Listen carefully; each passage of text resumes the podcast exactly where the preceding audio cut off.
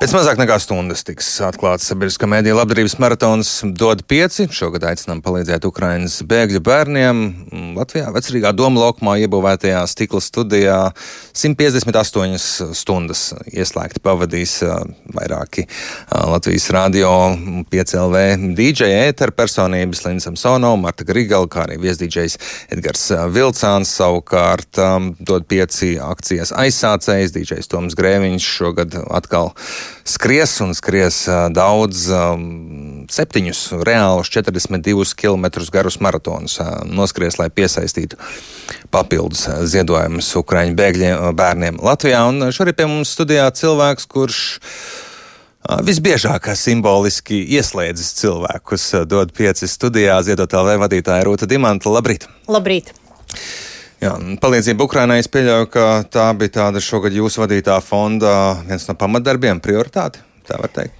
Nu, tas nāca klāt mūsu ikdienas darbiem, un, protams, ka Ukrainas jautājums gan šeit, Latvijā, palīdzība kara bēgļiem Ukrainā, gan palīdzība Ukrainā, Ukraiņiem, gan aizsardzībā, gan medicīnā, gan humanā palīdzībā ir centrālais jautājums, jo, lai kā mums liktos, ka mums šeit ir grūti, tomēr paskatoties, kā gan Ukraiņi šeit, gan tur jūtas un kāds ir viņu nodrošinājums, mēs saprotam, ka tā ir pašlaik mūsu labdarības prioritāte tā tāds likumsakarīgs uh, lēmums arī, ka ziedot LV ir Ukrainas bērnu atbalstam.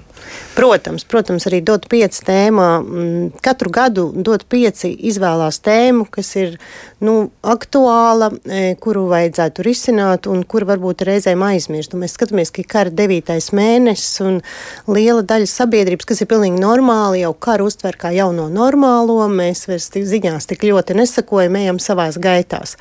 E, tas ir nu, no tādas izdzīvošanas viedokļa katram individam pareizi, bet no tā, ka mums cilvēcīgi tomēr jāpalīdz joprojām cilvēkiem, kuriem ir uzbrukusi agresīva kaimiņu valsts Krievija. Tieši tāpēc Ziemassvētkos mēs aicinām atcerēties, un ne tikai atcerēties, bet palīdzēt pašiem vājākajiem, kas karā vienmēr visvairāk cieši bērni. Viņi cieši tāpēc, ka viņiem tiek nozagta pirmām kārtām bērnība. Jūs jūtat, ka tā sabiedrības um, interese, iesaiste, nu, ar 9. mēnesī ir gājusi leju? Es neteiktu, ka gājusi leju, bet viņi ir palikusi tāda. Uh, nu, ka karš ir pašsaprotama lieta. Un ko mēs redzam, ka, ka mums varbūt ir vairāk jārunā par to, kā jūtas tieši bērniņi, bērni, pusauģi, kuru tētis karo vai ir gājis bojā, kuri ir atbraukuši pie mums, jo mums liekas, ka viņi te viegli iedzīvotās, bet tā, tā nebūtu nav. Tām ģimenēm, kuras kara dēļ atbēgušas uz Latviju, ir ļoti daudz izaicinājumu. Pirmkārt, tie mājokļu izaicinājumi, tā ir pabarot bērnus, apģērbt un skolot. Un, tādā nu, lielās līnijās mēs esam izdarījuši kā valsts visu, jā, mēs esam uzņēmuši tos cilvēkus.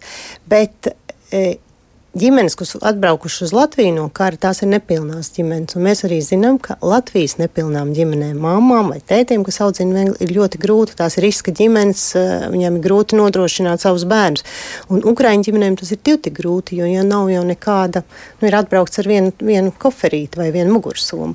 Un, uh, bērni ir šī gada tēma no tā viedokļa, lai mēs mm, palīdzētu viņiem šeit uz vietas Latvijā atrasties, atrodoties kaut nedaudz salabot bērnu bērnību, lai tad, kad viņi izaug lieli, viņiem būtu kāda laba atmiņa arī no kara laika. Un to mēs varam sagādāt kaut vai ar vienu sirsnīgu dāvanu. Tas bērns jutīsies īpaši, ka viņam kāds ir uzdāvinājis tādā, to, ko viņš varbūt tieši ir vēlējies.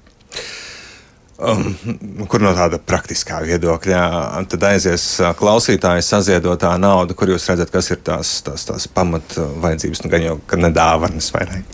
Jā, nu, dāvanas, protams, klausītāji arī gatavo paši un, un nes uz mūsu biroju, bet Tā tad dot 5 maratonu, tāda pamata ideja ir, uh, pie, noziedojiet 5 eiro, jūs varat izvēlēties ēterā, lai dot 5, nu, nospēlē jūs iemīļoto dziesmu, savukārt visi šie 5 eiro aiziet tieši Ukrainas Eh, kara bēgļu bērniem Latvijā un eh, trijās virzienos.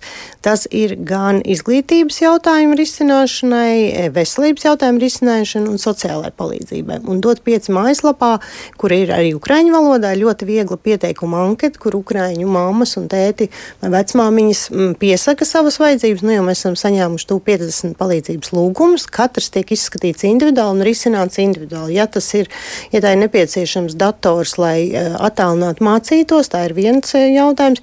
Ja ir vajadzīgs, eh, piemēram, kādas medicīniskas lietas vai zāļu apmaksa, kas nav valsts apmaksātais, tad tā arī ir palīdzība.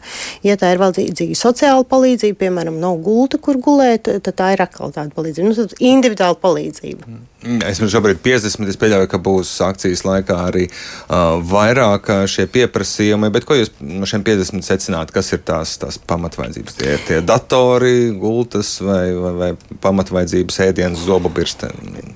Diemžēl tās ir pamatvaidzības. Tā ir uh, sarunās ar, ar ģimenēm. Mēs, Viņi, protams, prasa to nepieciešamo, ko mēs esam sapratuši, ka uh, svaigs un silts ēdiens ir viena no lietām, kas ir tāda uh, nu, ļoti liels izaicinājums nodrošināt ziemas drēbes, īpaši apavi, Mēs zinām, ka Ukrainā vidējā alga ir daudz zemāka, 200 vai 300 eiro, un šeit viņiem liekas ne, neadekvāti viss dārgs. Viņi nesaprot, kā, kā, kā viena smalkmaizīte vai mazākt eiro. Nu, tīri tāds šoks. Un, tā, tas ir, lai tēt, augstajos laika apstākļos, īpaši tie, kas ir atbēguši no siltākiem reģioniem, viņiem, jā, arī viņi būtu paņēmuši līdzi, viņiem nav tik silta apģērba.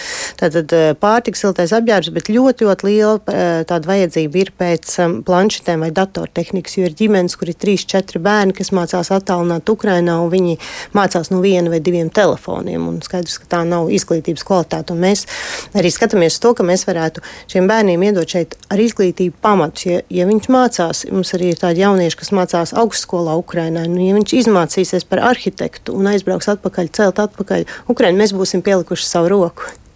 Jā. Um, cik daudz no tās sazinātās naudas nonāk tieši palīdzībai, un cik aiziet varbūt administratīvos izdevumos, nodokļos, fonda darbības uzturēšanai? E, Visi 100% nonāk mērķim. Tā tas ir bijis visus 8 gadus, arī 9. gadā, un ziedot tieši tā arī strādā. Ja jūs noziedosiet 5 eiro, vai 10, vai 100, vai ir uzņēmumi, kas ziedo 10 tūkstoši, viss aiziet tieši Ukraiņu bērniem. Un administratīvos izdevumus? Administratīvos izdevumus, protams, mums ir. Mums arī ir siltums un dārga elektrība. To mums sedz eh, atbalstītāji, kā piemēram Boris un Inārs, Tetereva fonds un, un citi, kas tieši palīdz tam, lai fonda grāmatvedība strādātu. Nu, tā, tas ir nodalīts. Bet iedzīvotāju un uzņēmumu ziedojumu mērķim vienmēr aiziet 100% tam, kam jūs esat pats novēlējis. Paldies jums par uh, sarunu, laidīšu. Jūs ieslēgt mūsu dīdžejas uh, stīkla studijā Doma laukumā, lai viņi var sākt. Labdarības akciju dod 5. Paldies, ka atnācāt pie mums arī šorīt um, Ziedot LV vadītāja Rūta Dimanta. Dzirdējāt